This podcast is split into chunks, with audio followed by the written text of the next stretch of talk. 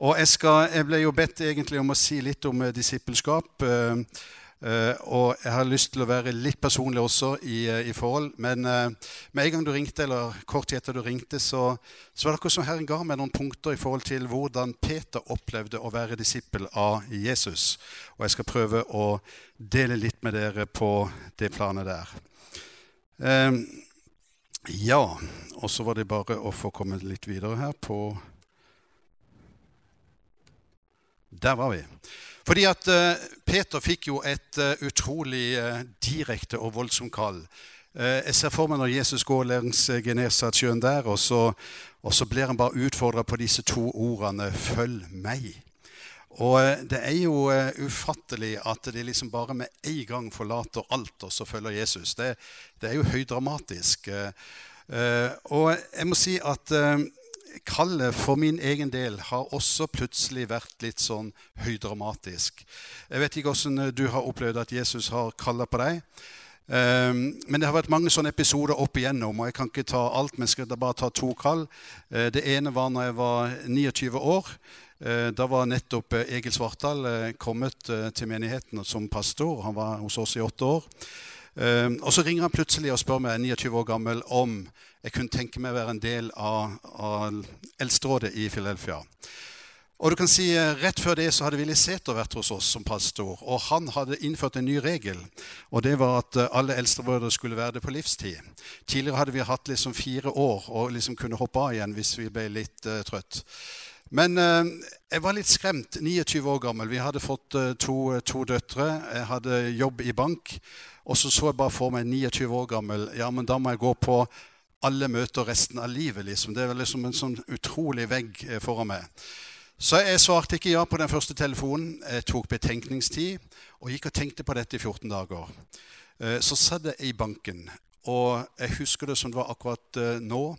Jeg satt i kassa og skulle ekspedere folk, og så, så var det tre kunder foran meg. Jeg husker de også godt. Og plutselig så taler Herren til meg en kort setning Dersom du undrer deg, har min sjel ikke behag i det. Og jeg tenkte liksom, Hvor i all verden kom den setninga fra? Uh, og jeg måtte gå hjem og leie det. I den tida der så hadde vi det liksom ikke på PC, og sånt, så det tok litt tid før jeg fant det. Uh, men det var et ord som står i hebreerbrevet om Jesus der, som dersom han undra seg, så hadde ikke Gud behag i han. Men det, det, tok så tak i meg at liksom på, på ett sekund der så var jeg egentlig løst. Jeg skjønte bare at uh, jeg tørte ikke å leve et liv hvis Herren ikke hadde behag i det valget jeg tok.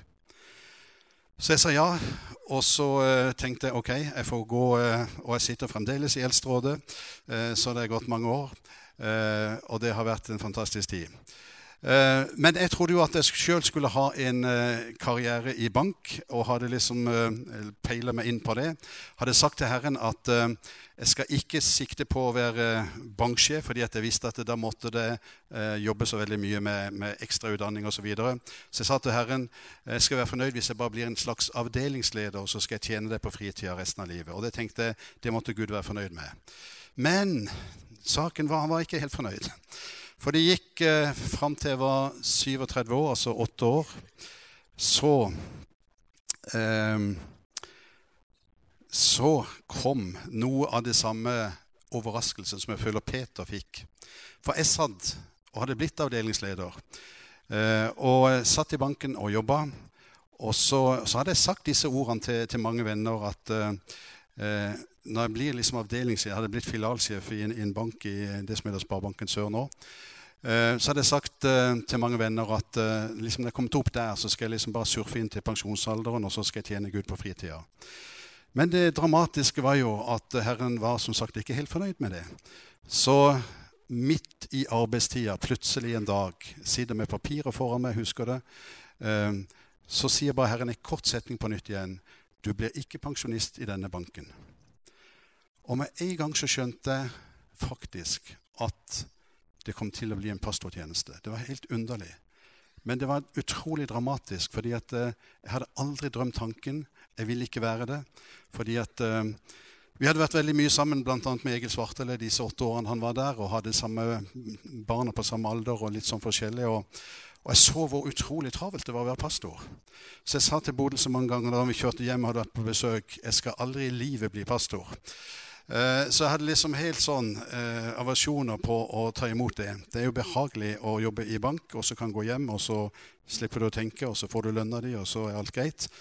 Eh, så det å være pastor, det, det, var en sånn dramatisk. Så jeg husker at eh, jeg husker at det ble veldig dramatisk for meg, fordi jeg hadde sånn aversjoner mot å ta på meg en sånn, og jeg var overfølte med at disse skoene var altfor, altfor store. Så saken var at uh, jeg hadde en lang, lang, lang kamp med Gud denne gangen. Eh, syv måneder. Og det var en sånn dramatisk uh, dramatiske syv måneder for min egen del, hvor Herren liksom bare la hånda på meg gang etter gang, og jeg kjente at Nesten som David. Dag og natt lå din hånd tungt på meg, sier David. Og sånn følte jeg det i disse syv månedene, at det lå liksom bare veldig tungt. Og jeg skjønte at eh, jeg hadde ikke så mye sjanse til å slippe unna dette. Um, og det endte opp med at uh, en uh, dag i november i 1992 uh, opplevde at jeg sto egentlig akkurat som til halsen i ei elv. det sto om denne dobbeltbekken at Eh, profeten han ble ført ut, og så står han til halsen i vann. Og så sier han til meg at det som mangler ditt liv For jeg sto til halsen i vann i oppgaver i menigheten. Men sa Herren til meg at det, som, det, som, du nå skal gjøre, det er at du skal legge deg på svøm. Og du må legge merke til at når du legger deg på svøm, så mister du kontrollen over livet ditt. Fordi at når du står til halsen i vann, så kan du, liksom, du kan gå opp igjen på andre sida. Og det merkelige var at det hadde akkurat eh, kort tid i forkant av det, så hadde vi bodd eh, ved Otra i Kristiansand. Jeg hadde prøvd å svømme over den elva, men klarte liksom, jeg ble dratt ned igjen. Jeg måtte svømme tilbake. Så jeg visste nøyaktig hva det var når Herren han, han tar oss opp på kornet. Så jeg visste med en gang at eh, hvis jeg legger meg på svøm nå og mister kontrollen over livet mitt, eh, så var det som Herren sa, Den hellige ånd skal ta over kontrollen i livet ditt. Og så sa han to ord som løste meg. Det var at uh, overalt hvor denne elva flyter, så er det liv og sunnhet. Og jeg skjønte at uh, Den hellige ånd vil ikke føre oss ut i ulykke, men han vil føre der det var liv, og der det var sunnhet. Så etter en knallhard og tøff periode på syv måneder, uh, som var veldig veldig dramatisk for, for vårt familieliv, fordi at Herren hadde sagt at skal dette skje, så må du selge du må selge hus og båten, og du må slutte i banken og liksom hele den pakka der. Eh, så det er jo ikke så lett å komme hjem og bare si du, nå skal vi selge hus og båten, og vi vet ikke om vi har jobb, og vi vet ingenting. Nå skal vi bare flyte med i strømmen. Eh, så eh, på en måte så skjønner dere kanskje at det, det var litt tøft. Men det måtte også være tøft for Peter. Men for å gjøre en lang historie kort, så den kvelden der så minner Herren meg på en sang. Eh, alt til Jesus overgir jeg. Og så sa Herren til meg at eh, du har sunget denne sangen så mange ganger, men det har alltid bare vært en fellessang for deg.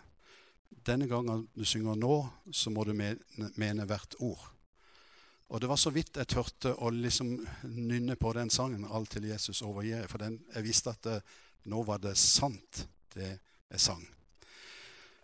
Men det fantastiske skjedde at når jeg våkna opp den morgenen der, så var det en eh, Og jeg våkna utrolig tidlig, som du sa. Jeg våkna klokka fem. Hadde aldri våkna klokka fem før. Eh, nå har jeg våkna klokka fem hver eneste morgen, også i dag. Eh, men det var akkurat som Herren ga meg liksom en god tid på morgenen, for han visste at det ville kreve mye å være i den tjenesten. Men det som skjedde, var at Den hellige ånd bare kom inn i rommet der jeg lå og sov så utrolig sterkt som jeg aldri hadde kjent det noen gang. På, jeg hadde jo vært på utallige møter, ettermøter og alt. Hadde opplevd å bli åndsdøpt da jeg var helt ung osv. Men jeg hadde aldri opplevd Guds nerve så sterkt noen gang som jeg opplevde det den morgenen der. Og så sterkt at jeg lå i flere timer og følte meg liksom bare bada i et uh, gudsnærvær. Um, men jeg sa til Herren allikevel at uh, jeg kommer ikke til å løfte en finger for å bli pastor, sa jeg. For jeg ville egentlig ikke. Så jeg sa til Herren jeg skal love å si ja, men da skal du åpne alle dører. Jeg kommer ikke til å si til noen. Det, skal bare liksom Ja. Eh, så det, det, det gikk eh, seks år hvor Herren bare begynte å åpne opp dører etter dører. Jeg hadde aldri vært ute og talt før. Plutselig så ringer det var så utrolig mange rare dører Herren åpna. Plutselig så ringer presten i Lyngdal kirke, statskirke og spør om jeg kan komme hen og tale om, eh, om bønn. Og du vet, jeg ble helt sjokka. Jeg trodde ikke noen hadde lov til å tale liksom en gang. Og jeg, jeg var fortsatt eh, holdt på å si, filialsjef i banken. Liksom, Hvorfor i all verden ringer han til meg? Så det er en lang historie for hvorfor han egentlig har ringt det. Men det var så mange sånne episoder hvor Herren bare åpna noen dører. Um, og så gikk det seks, uh, seks, år, og så ble det da en realitet i 1998. Og så har jeg vært uh, pastor da nå i 22 år. da. Um, det neste er jo at uh, det er ikke mange som får et sånt et kall. Eh, det er ganske få som får sånn dramatisk kall, som også Peter fikk, og som, som er beskrevet nå. Men jeg har jo bare lyst til å si at uh, det er jo så utrolig mange generelle kall. Uh, så du må ikke sitte og vente på at du skal få dette kallet så dramatisk og så voldsomt at du aldri får gjort noe. For det er lett å liksom bare sette seg til ro og, og, og, og på en måte bare vente på det kallet. Men bare den ene setningen skal ikke gå gjennom alt dette. Men vær gjestfri mot hverandre uten å klage. Altså, Du trenger ikke noe spesielt kall for å være gjestfri. Det står bare det at du skal være det. Når hun sto her i dag og så ba om 50 boller Du trenger ikke å ha noe dramatisk kall for å bake de bollene. Det er bare å si ja, og så, så har du vært med på å gjøre noe for Herren. Og det står faktisk så enkelt at uh, du kan ha lyst til en god gjerning. Du kan si ja, du kan ha lyst til en god gjerning, og så kan du være med. Og så kan det være at det kommer et uh, dramatisk kall også. Men jeg har bare lyst til å si at uh, ikke sitt og vent på noen mektige åpenbaringer. Bare vær med i det menigheten er med i, og still deg til tjeneste. Uh, fordi at jeg tror Herren lønner også trofastheten i bånd. Det står om Josva at den eneste grunnen til at han ble valgt til leder, det var at han trofast hadde fulgt Herren. Han hadde stått der ved inngangen til dette tabernaklet i 40 år Eh, og så hadde han vært i Guds gudsnærværet. Og så sier Bibelen at pga. hans trofasthet der, så får han plutselig dette kallet. Uh, og Jeg skal ikke ta med meg alle, da, alle, alle, ting i Peters liv. Det vil jo være helt uh, umulig å få til. Jeg skal bare si én ting. At i løpet av en sånn tjeneste som vi er med i, både i menighet og om vi er pastor eller hva vi er, så er det oppturer og det er nedtur i tjenesten. Og det er noe, Skal du være en disippel av Jesus, så må du bare beregne at det kommer sånne ting. Og Jeg husker jeg var ikke så veldig fornøyd når eh, Egil Svartdal eh, hadde innsettelsesgudstjeneste for meg som eldste da jeg var 29. Eh, så det eneste han talte om, det var at jeg skulle være i stand til å tåle ondt, på samme måte som Timoteus får beskjed om. Og du vet, jeg tenkte oi, oi, det var litt av en velkomst. Være i stand til å tåle ondt. Men jeg har i sannhet sett at det er viktig uh, i en tjeneste. For det blir mange ting frem og tilbake som uh, kan ta motet fra en, og som kan gjøre at en, en har lyst til å slutte. Men har du fått et kall, så for all del ikke, ikke slutt.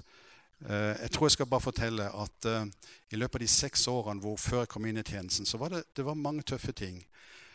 og det ble så tøft for meg at jeg sa en gang til Herren Jeg gikk en lang tur etter seks år. Jeg følte at Eh, egentlig ikke at det åpna seg skikkelig til den tjenesten som jeg følte Gud hadde kalt meg til. Og så, og så eh, sier jeg til Herren etter en lang spasertur at eh, Kan du bruke noen andre? Kan du bruke noen andre? Ikke bruk meg. Og det dramatiske som skjedde, og som eh, Det var at eh, det gudsnærværet som jeg hadde følt, hadde vært, vært med meg hele tida Plutselig så begynte det å svekkes gradvis. Jeg fortsatte å gå en halv time. Og så ble det kaldere og kaldere og kaldere. Og kaldere. Og eh, etter en halv time der inne i skauen så ble jeg livredd. Eh, vi snakker mange ganger om at det kan bli det, det er varmt i helvete, men eh, jeg kjente en sånn iskald kulde av fravær fra Gud. Så jeg fikk helt panikk. Så jeg sa til Herren, jeg ombestemmer meg. Jeg vil mye heller ha ditt nærvær og ha problemer enn å kjenne denne, denne kulda. Og så var det heldigvis som å skru på en bryter. Så var det bare sånn, og så bang, fikk jeg det tilbake igjen. Og etter det har jeg aldri tørt å si fra til Gud mer om at jeg gir meg. Men eh, Peter opplevde mange dramatiske ting. Jeg skal bare ta med en av disse fantastiske opptøyene på Forklarelsens berg. Og det hadde bare lyst til å si at eh, eh grunnen til å ta det med, det var at jeg en gang fikk dette ordet i en vanskelig situasjon om at uh, hos Herren er det utganger selv fra døden. Altså ingenting er mulig fra Gud. Selv fra døden er det utganger. Og så var det akkurat som Gud minner meg på denne episoden på Forklarelsens berg, hvor Moses hadde blitt uh, forklart og profetert at han skulle inn i Israels land. ikke sant? Men så døde han, og så kom han ikke inn. Men så leser vi liksom 2000 år etterpå, eller kanskje enda lenger, så må det ha vært en underlig følelse for Moses når han plutselig allikevel setter føttene sine i Israel. Det er jo en ufattelig altså Gud tar han bare en omvei på 2000 år, og så får han allikevel opplevd det. Og Da ble disse ordet så utrolig sterkt for meg. Selv fra døden så har Herren utganger på skal vi kalle det profetier. Um, og det måtte jo vært en ufattelig opplevelse å allikevel få lov til en gang å sette sine føtter på, eh, på Oljeberget, som det vel kanskje var, eller et annet fjell der. Eh, så jeg tar det bare med for å vise at noe av det Peter fikk oppleve, det var jo en ufattelig opptur. Og han ble jo så begeistra at han foreslo det ene og det andre. Men det var jo også nedtur og justeringer. Jeg skal ikke gå så veldig mye inn på det. Men eh, det var ikke bare oppturer hele tida. Eh, Markus så leser vi om at Jesus snudde seg, så på disiplene og sa strengt til Peter Vik bak med Satan. Det er jo ufattelig. Du har ikke tanker for det som hører Gud til, bare for det som hører mennesker til. Um, og det står også om at de begynte å krangle med hverandre ved et tilfelle, og så må Jesus på en måte ta dem. Så med alle disse kjempestore opplevelsene og disse nedturene så får en lite sånn innblikk i, i Peters uh, liv. Um, men det som jeg kjente jeg ble minnet på når du ringte, det er at uh, det er av og til at uh, veien fra en aktiv tjeneste i en menighet uh, og til å virkelig stå oppe i det ene det andre, så kan en bli satt ut. Så kan en plutselig bli en passiv tilskuer. Og selv for Peter så står det et forunderlig ord. Det står at Peter fulgte etter, denne gangen langt bak Jesus. Han hadde jo alltid vært tettest. Hver gang det var noe, så skulle alltid Peter være med. Men denne gangen så står det at han fulgte langt bak. Altså Det var blitt en avstand mellom Jesus, og så ble han plutselig en tilskuer eh, for å se hvordan det hele vil ende i Getsemane. Eh, og hvorfor blir det avstand til Jesus? Vi kan få oppleve skuffelser i livet på mange, mange plan. Vi kan oppleve travle tider begynner å ta tak på oss. Eh, vi kan oppleve at bekymringer kommer. Vi kan oppleve synd i våre liv. Vi kan oppleve sykdom. Eh, og det er så utrolig mange ting som plutselig kan ta fokuset vekk fra den nærheten som Peter hadde til Jesus. Ikke minst også brutte familierelasjoner, som i dag er mange sånne eksempler på at da skjer det noe, ofte noe med disippelskapet til, til, Jesus. Og når jeg tenker på hvor utrolig sterkt utgangspunktet var på Peter Han hadde jo gått tre år sammen med Jesus. Han hadde fått et personlig kall fra Jesus, som jeg sa. Uh, han hadde til og med fått med seg familien, Andreas. Han hadde opplevd uh, Peters svigermor, som plutselig ble frisk. Han hadde opplevd mirakler ved å gå på vannet. Han hadde vært med på opptur, som jeg sa, på Forklarelsens berg. Ehm, han opplevde at en fisk spytta opp penger til å betale tempelskatten. Han var til stede da Jesus oppvekka Jairus datter, som var død. Eh, var med å dele ut brød til 5000. Opplevde jeg Jesus stille storm på sjøen. Var øyenvitner til alle Jesu helbredelser. Knallsterkt utgangspunkt. Så kan tenke, En sånn mann kan jo ikke holde avstand til Jesus. Allikevel Farene lå på lur. Det kommer en periode hvor Peter sier i stolthet om så alle vender seg bort fra deg, kommer jeg aldri til å gjøre det. Eh, om jeg så skal dø med deg, så vil jeg ikke fornekte det. Eh, og det er jo lett å komme i en sånn uh, grøft også at det går så bra at liksom du, du, blir bare mer og mer overmodig. Og så uh, ligger farene til de grader på lur. Um, og jeg har sagt at det er lett å love for mye i salige stunder. Eh, hvor mange ganger har vi ikke vært framme til forbund? I hvert fall for min egen del så har liksom, vi hatt en sånn innbydelse til at nå, nå skal du virkelig ofre alt for Jesus. Og liksom, jeg vet ikke hvor mye jeg har lovt, eh, jeg bare vet at det er altfor mye. Eh, og det er veldig lett å love det ene og det andre i disse salige stundene. Men det står at vi skal være forsiktige med å si for mye av løfter til Herren. Og Peter sovna når det gjaldt som mest. Da han kom tilbake til disiplene og fant dem sovende, sa han til Peter, så klarte dere ikke å våke med meg en eneste time. Og jeg har stilt spørsmålet mange ganger sovner vi som menighet, kanskje i verdens mest avgjørende profetiske tider. Um, det var nå vi skulle være midt i vekkelse på alle plan. Jeg tror Jesus kommer snart. Um, det var litt vittig når vi kjørte inn her. Vi har en som heter Radio 316. Og for syv år siden så spilte jeg inn en, en serie om Jesu gjenkomst. Eller ja, hele dette. Og akkurat i dag så eh, satt og hørte på meg sjøl på veien inn her til, til, Skien. Så det var jo litt sånn uh, pussig, da. Uh, men jeg ble sjøl si uh, uh, oppmuntra til å stå på for alle tegnene tyder på at vi lever i det siste tida. Jesus forutsier heldigvis fallet. Om så alle vender seg bort fra deg, kommer jeg aldri til å gjøre det. Jesus svarte, sannelig sier deg, i denne natt før hanen galer skal du fornekte meg tre ganger.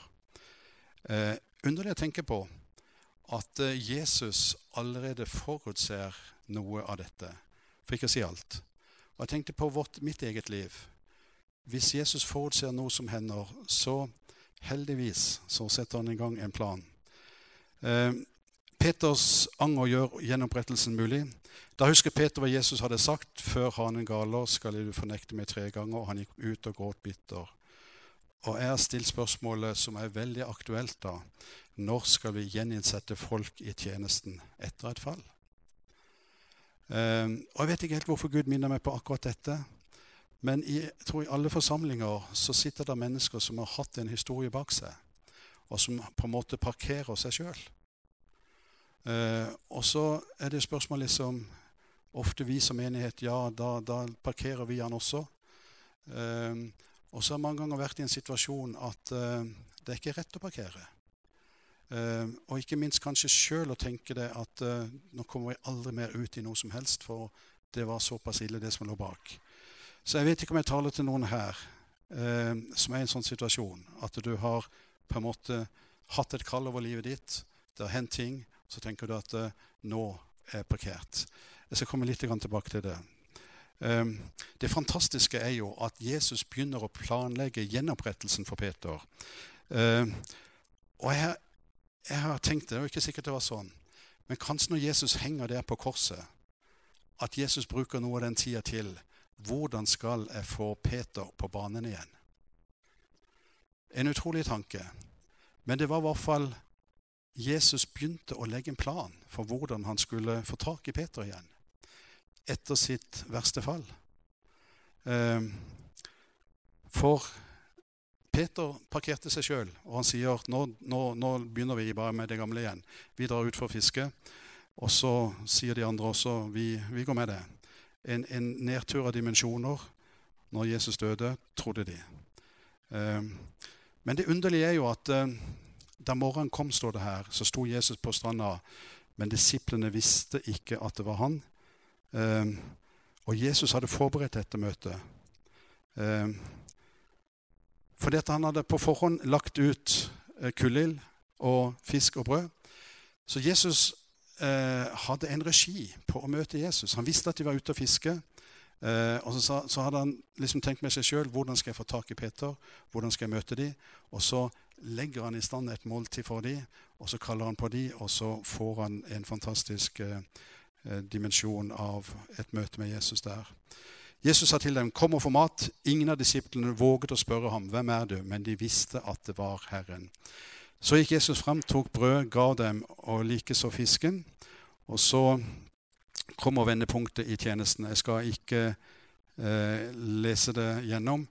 Men du kjenner historien hvor, hvordan Peter på nytt igjen blir utfordra eh, om en bestemt ting.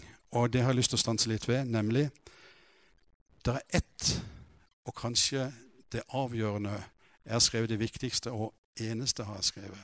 Krav til disippelskap. Spørsmålet om vi elsker Jesus.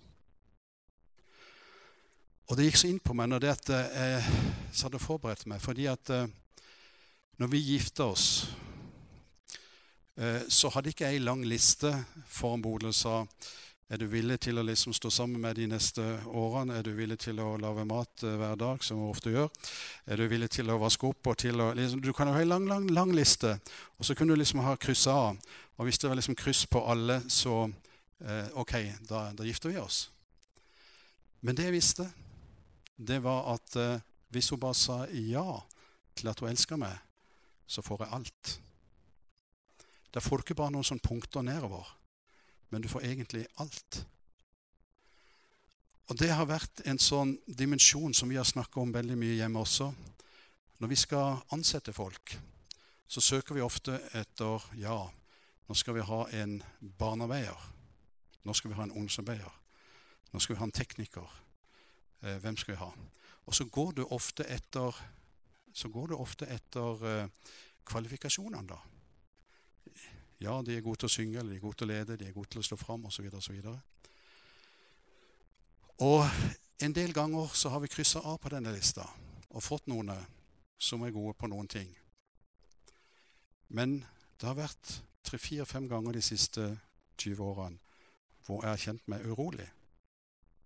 Ja men, så, ja, men de er jo så flinke. Men ingen av de fem som jeg har kjent meg urolig for, jobber nå hos oss. Og etter en god stund så bare kjente jeg at uh, tør vi ansette noen som ikke går på bønnemøtene våre? For jeg visste at uh, hvis de viser interesse for det, da får du alt. Det er ikke sikkert de er 100% dyktige til alle mulige ting som vi krysser av. Men du får på en måte alt. Og jeg merker en stor forskjell. Eh, nei, er jo vi ganske mange, vi holder på med mye. Eh, og det kan være alt fra barnehage og skole og rusomsorg og masse ting. Men jeg bare vet at det er noen vi som menighet får alt av. Og det er ikke det at vi sliter de ut, men jeg bare merker en annen innstilling. Det er ikke sikkert at de alltid går når klokka er fire selv om det står på ansettelsen, fordi at det skulle vært gjort noe klokka fem. Mens andre er utrolig nøye med fridag og avspasering. Og vi skal ha skikkelige arbeidsforhold, så jeg er ikke imot det overhodet. Men jeg tror at Jesus gir oss fritida. Um, det var noe av den kampen som Bodil hadde. som tror jeg, um, fordi at uh, Vi var litt redd for når vi gikk inn i tjenesten som pastor, at nå får vi ikke tid til noen ting. Og så hadde vi en liten kamp i starten på at eh, mandagen skulle være vår fridag. Eh, og så eh, opplevde jo vi, som alle andre pastorer, at det ringer også på mandager. Eh, du får besøk også på mandager. Det er utfordringer også på mandagen. Det er folk som dør, eller folk som gifter seg. Ikke på, kanskje på mandag, men det, det, er mange ting som skjer på en mandag. Og det er ikke alle som skjønner at pastoren har fri på mandag, eller en annen dag. Så vi hadde en veldig sånn, så hver gang telefonen ringte, så turte jeg nesten ikke eh, ta, Jeg prøvde å løpe ut og så se, vise Bodø at jeg egentlig gjorde noe annet enn å svare på telefonen. Men det ble liksom en veldig sånn kamp uh, helt i starten, fordi at uh, Ja, du skjønner. Uh, og så hadde Bodø en fantastisk opplevelse av at Herren viste denne beretninga om Abraham, jo, Abraham som ofra Isak. Eh, og hun hadde en sånn opplevelse med Gud eh, som hun gjerne kunne fortalt sjøl, men det har vi ikke tid til akkurat nå. Men hvor hun på en måte måtte ofre meg i den tjenesten der. Men det som skjedde når Abraham ofra Isak, så fikk han Isak tilbake igjen. Og Herren har ikke tenkt at vi skal bli utbrent. Og Herren lovte meg eh, i Salme 1, hvor det står at den som grunner på Hans ord dag og natt, eh, skal være like et tre som er planta ved rinnende bekker Eh, og som gjør sin frukt i sin tid, og hvis blad ikke visner. Og når jeg leste denne setninga 'hvis blad ikke visner', så sier han til meg 'du skal ikke bli utbrent'. Hvis det at du grunner på mitt ord dag og natt og holder røttene der, du skal ikke bli utbrent. Og det, Jeg tør nesten ikke si det, fordi at uh, en skal ikke spøke med det. Men det har vært sant. Jeg har aldri hatt tegn til utbrent. Jeg burde ha vært utbrent veldig mange ganger, men har ikke blitt det. Men saken var at uh, Herren er på meg dag etter dag. Løftet var at du må grunne på det som står her, skal det løftet holde. Og det er der så mange av oss svikter litt, at uh, det ligger noen forutsetninger for dette. Og uh, etter at uh, Bodil hadde den opplevelsen, så fikk vi mye fri. Og vi har hatt en fantastisk god hverdag i alle disse årene. Herren ønsker ikke at vi skal bli utbrent, men han kommer til å lede oss inn i det å leve sammen med Han. 'Elsker du meg?' Det var svaret. Og så fikk han tjenesten tilbake, Peter. Og jeg har undret meg over at han får tjenesten tilbake så kjapt. Det var ikke mange dager det hadde gått siden han sa at ikke han kjente Jesus. Men når, når Jesus bare skjønte det Peter sa 'Du vet jo egentlig innerst inne at jeg har deg kjær'. Eh, det var en svikt, ja, men sannheten var at han elska Jesus. Og da kunne Jesus bare gi eh, fri flyt igjen. Og Kort tid etter så står jo Peter fram, og så er skikkelig skikkelig frimodig på, på pinsedag. Um, det siste jeg har lyst til å si om disippelskap, det er at selv om Peter hadde denne lange historien bak seg, oppturer, nedturer um, Og når du leser Apostelens gjerninger, så, så, leser du at det er en utrolig salvelse over Peter. Um, men det kommer en episode i eh, Peters liv eh, hvor det står eh, bare les det jeg har skrevet her, Datidens store karismatiske Peter var i ferd med å begrense Gud. I hans tanke lå det en religiøs sperre hvor han tenkte hedninger kan ikke bli frelst. Og En skulle jo tro at en mann som Peter burde ha skjønt absolutt alt. Og så har jeg opplevd i årene som er gått, at vi sitter med noen sperrer. Vi sitter med noen sperrer. Eh, noen ganger er det tradisjoner, noen ganger er det ren og skjær religiøsitet. Og det er noen ganger vi ikke egentlig skjønner hva Gud har for oss. Eh, og tradisjonene våre må ikke hindre det Gud vil. Eh, ikke tenk for smått.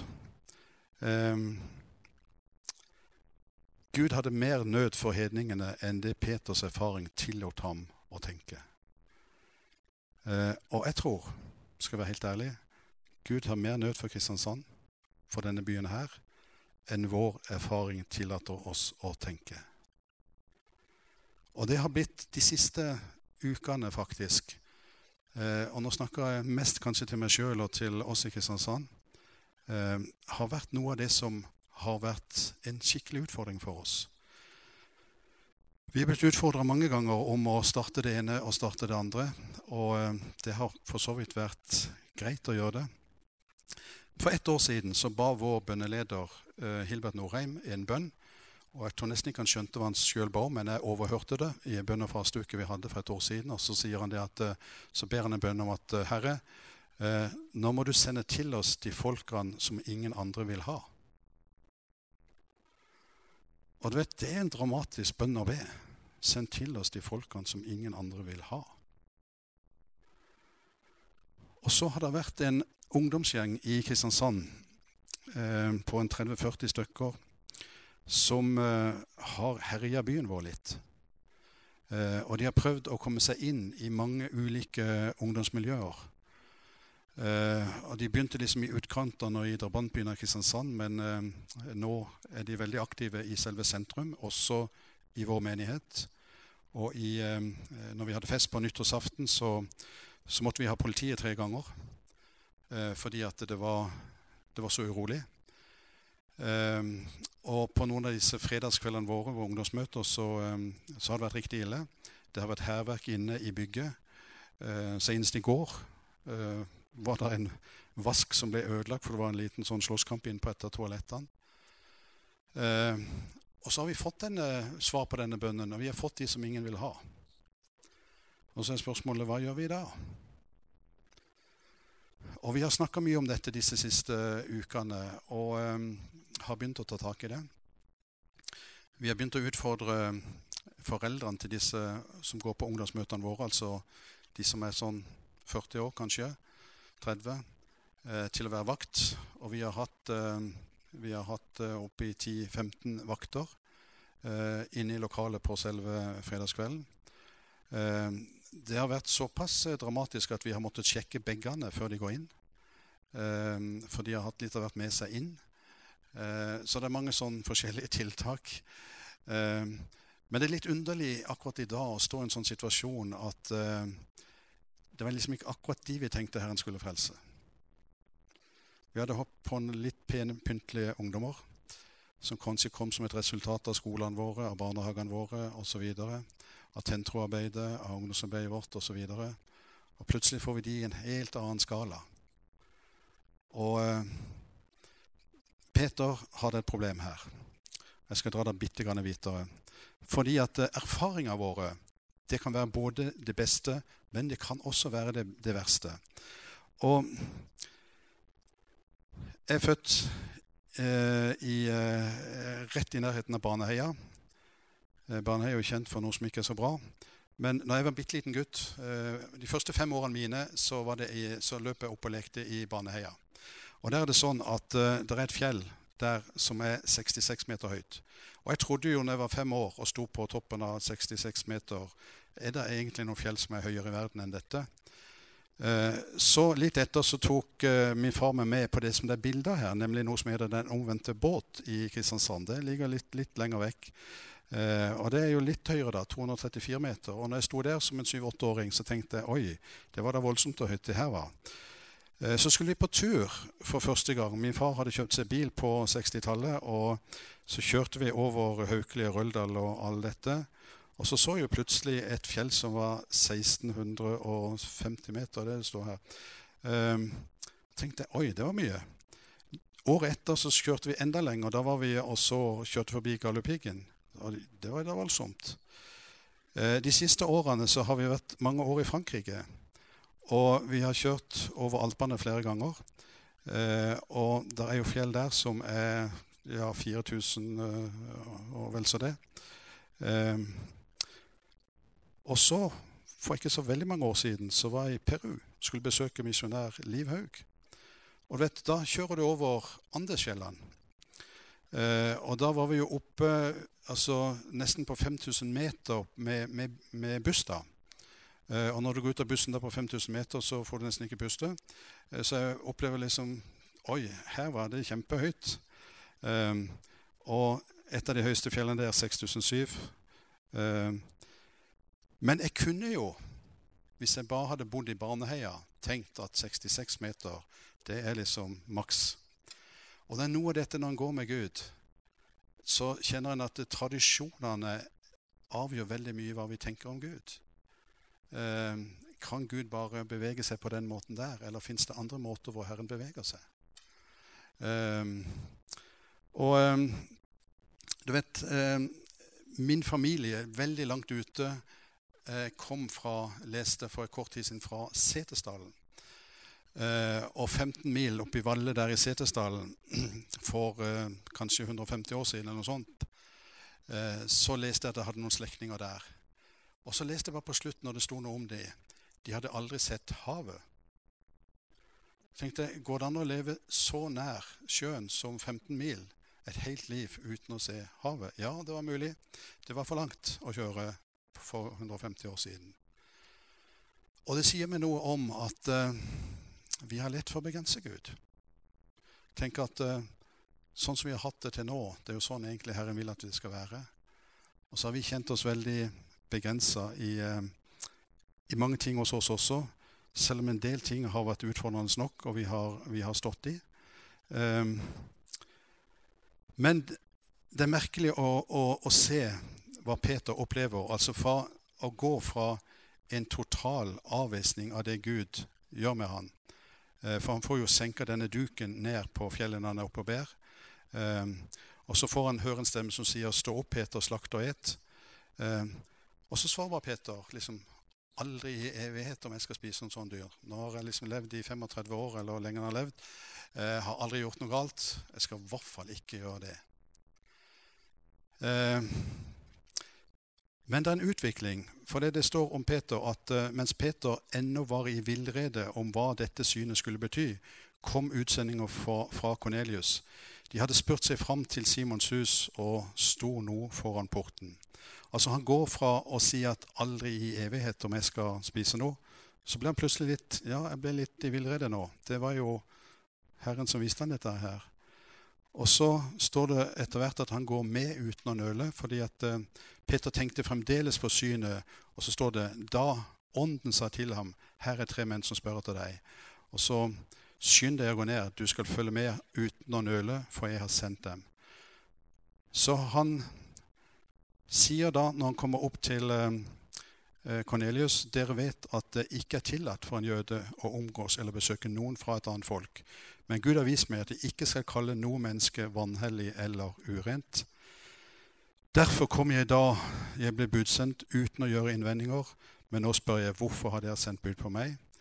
Så går han videre, og så sier han at uh, da tok Peter til orde og sa nå forstår jeg virkelig at Gud ikke gjør forskjell på folk, men at han fra alle folkeslag tar imot hver den som frykter ham, og gjør det som er rett.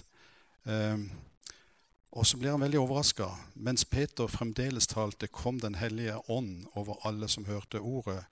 De troende av jødisk ett som er kommet dit sammen med Peter, ble forskrekket over at Den hellige ånds gaver også ble utøst over hedninger.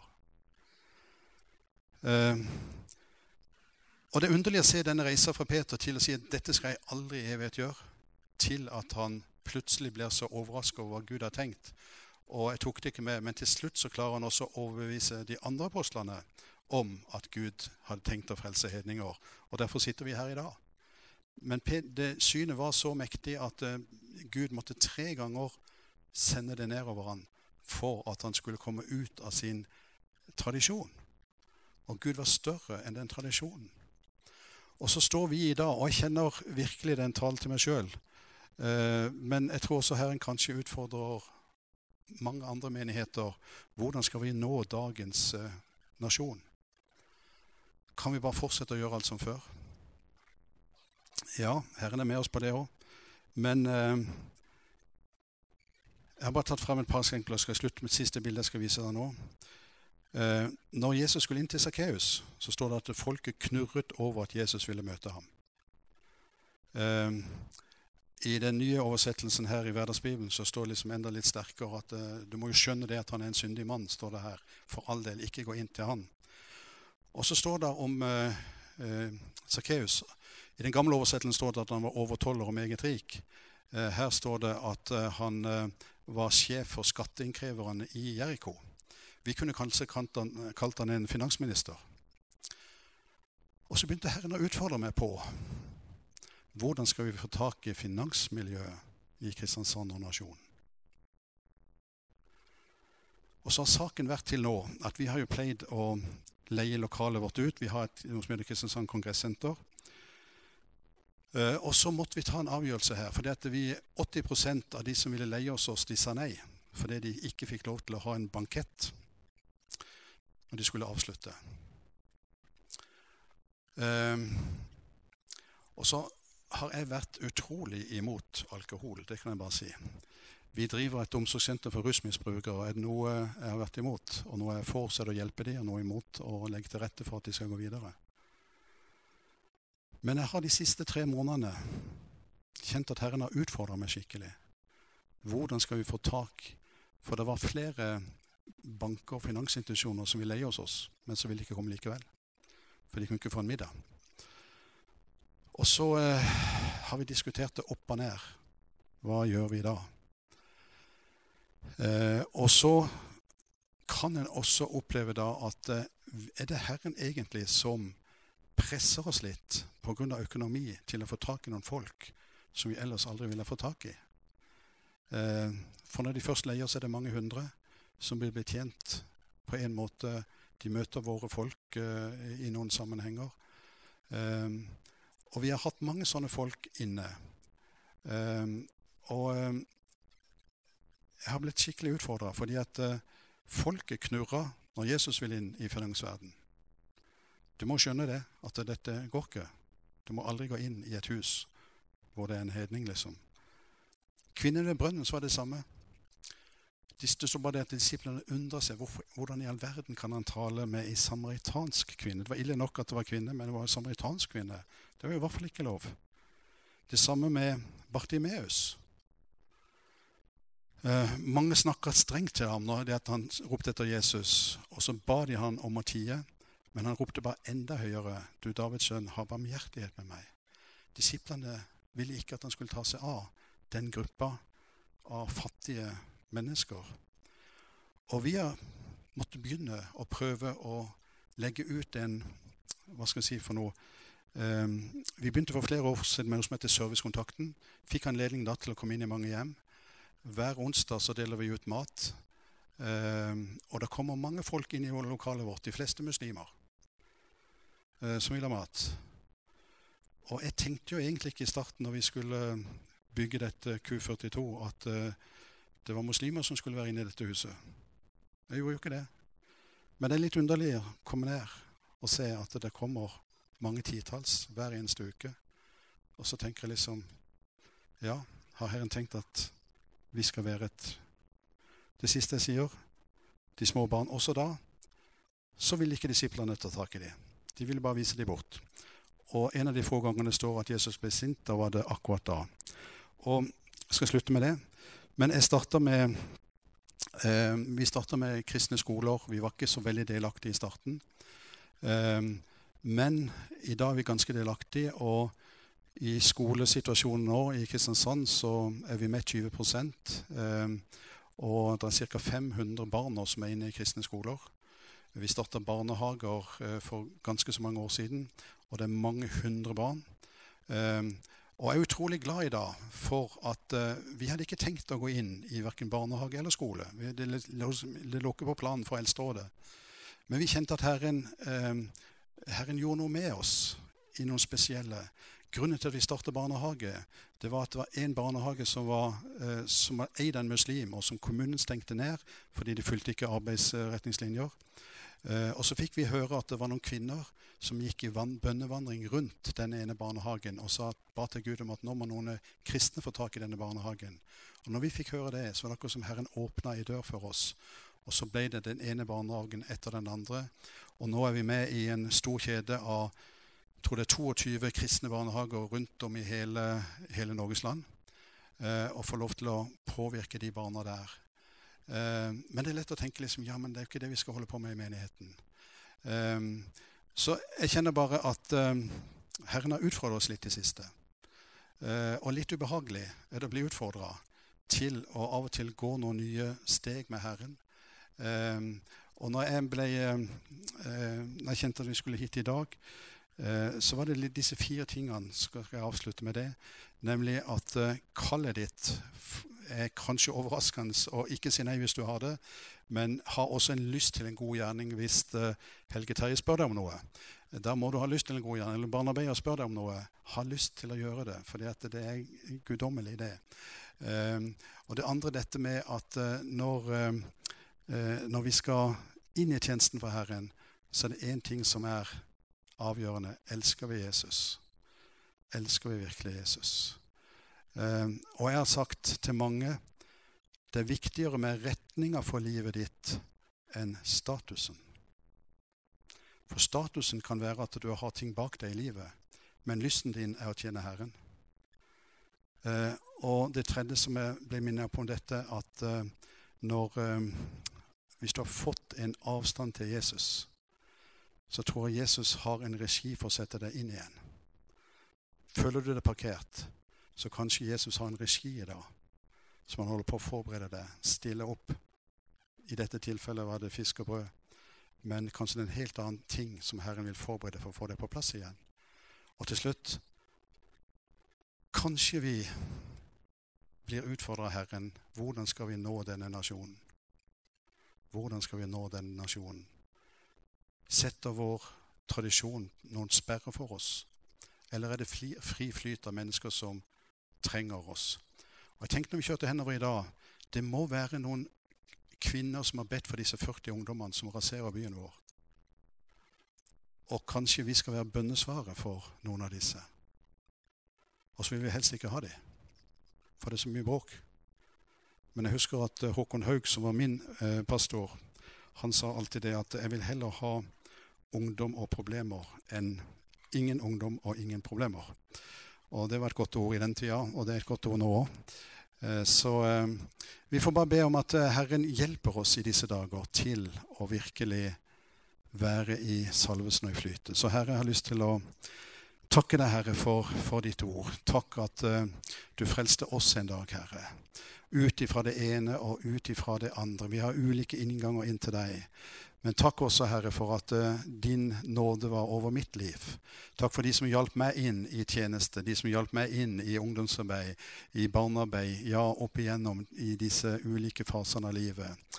Og så ber jeg deg, Herre, om at eh, vi skal være åpne for deg når vi får et kall fra himmelen. Når du har tenkt ut en plan for vårt liv. At ikke vi stenger oss inne og sier at nei, det går ikke, det går ikke.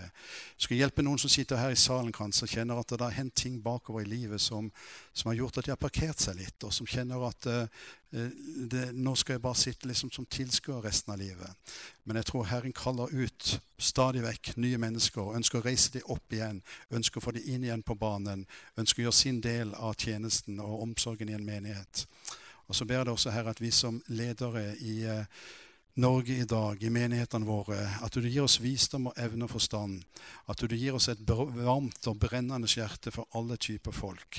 Og at du åpner de dørene som skal åpnes, og at du stenger de som skal stenges. Du skal hjelpe oss i Kristiansand, og du skal hjelpe menigheten her i Skien. Vi bare ber i Jesu navn om at vi skal få lov til å se at det blir vekkelse også i områder av byene våre som vi kanskje ikke hadde tenkt. Om det er innvandrere, om det er muslimer, om det er kriminelle, hva det nå enn er, Herre, så ber ber jeg Jesu navn om at din ånd skal bevege oss, og at eh, vi skal se at eh, det på nytt igjen blir kø ut forbi dørene våre for mennesker som lengter etter deg, og virkelig opplever Den hellige ånd i Jesu navn. Amen.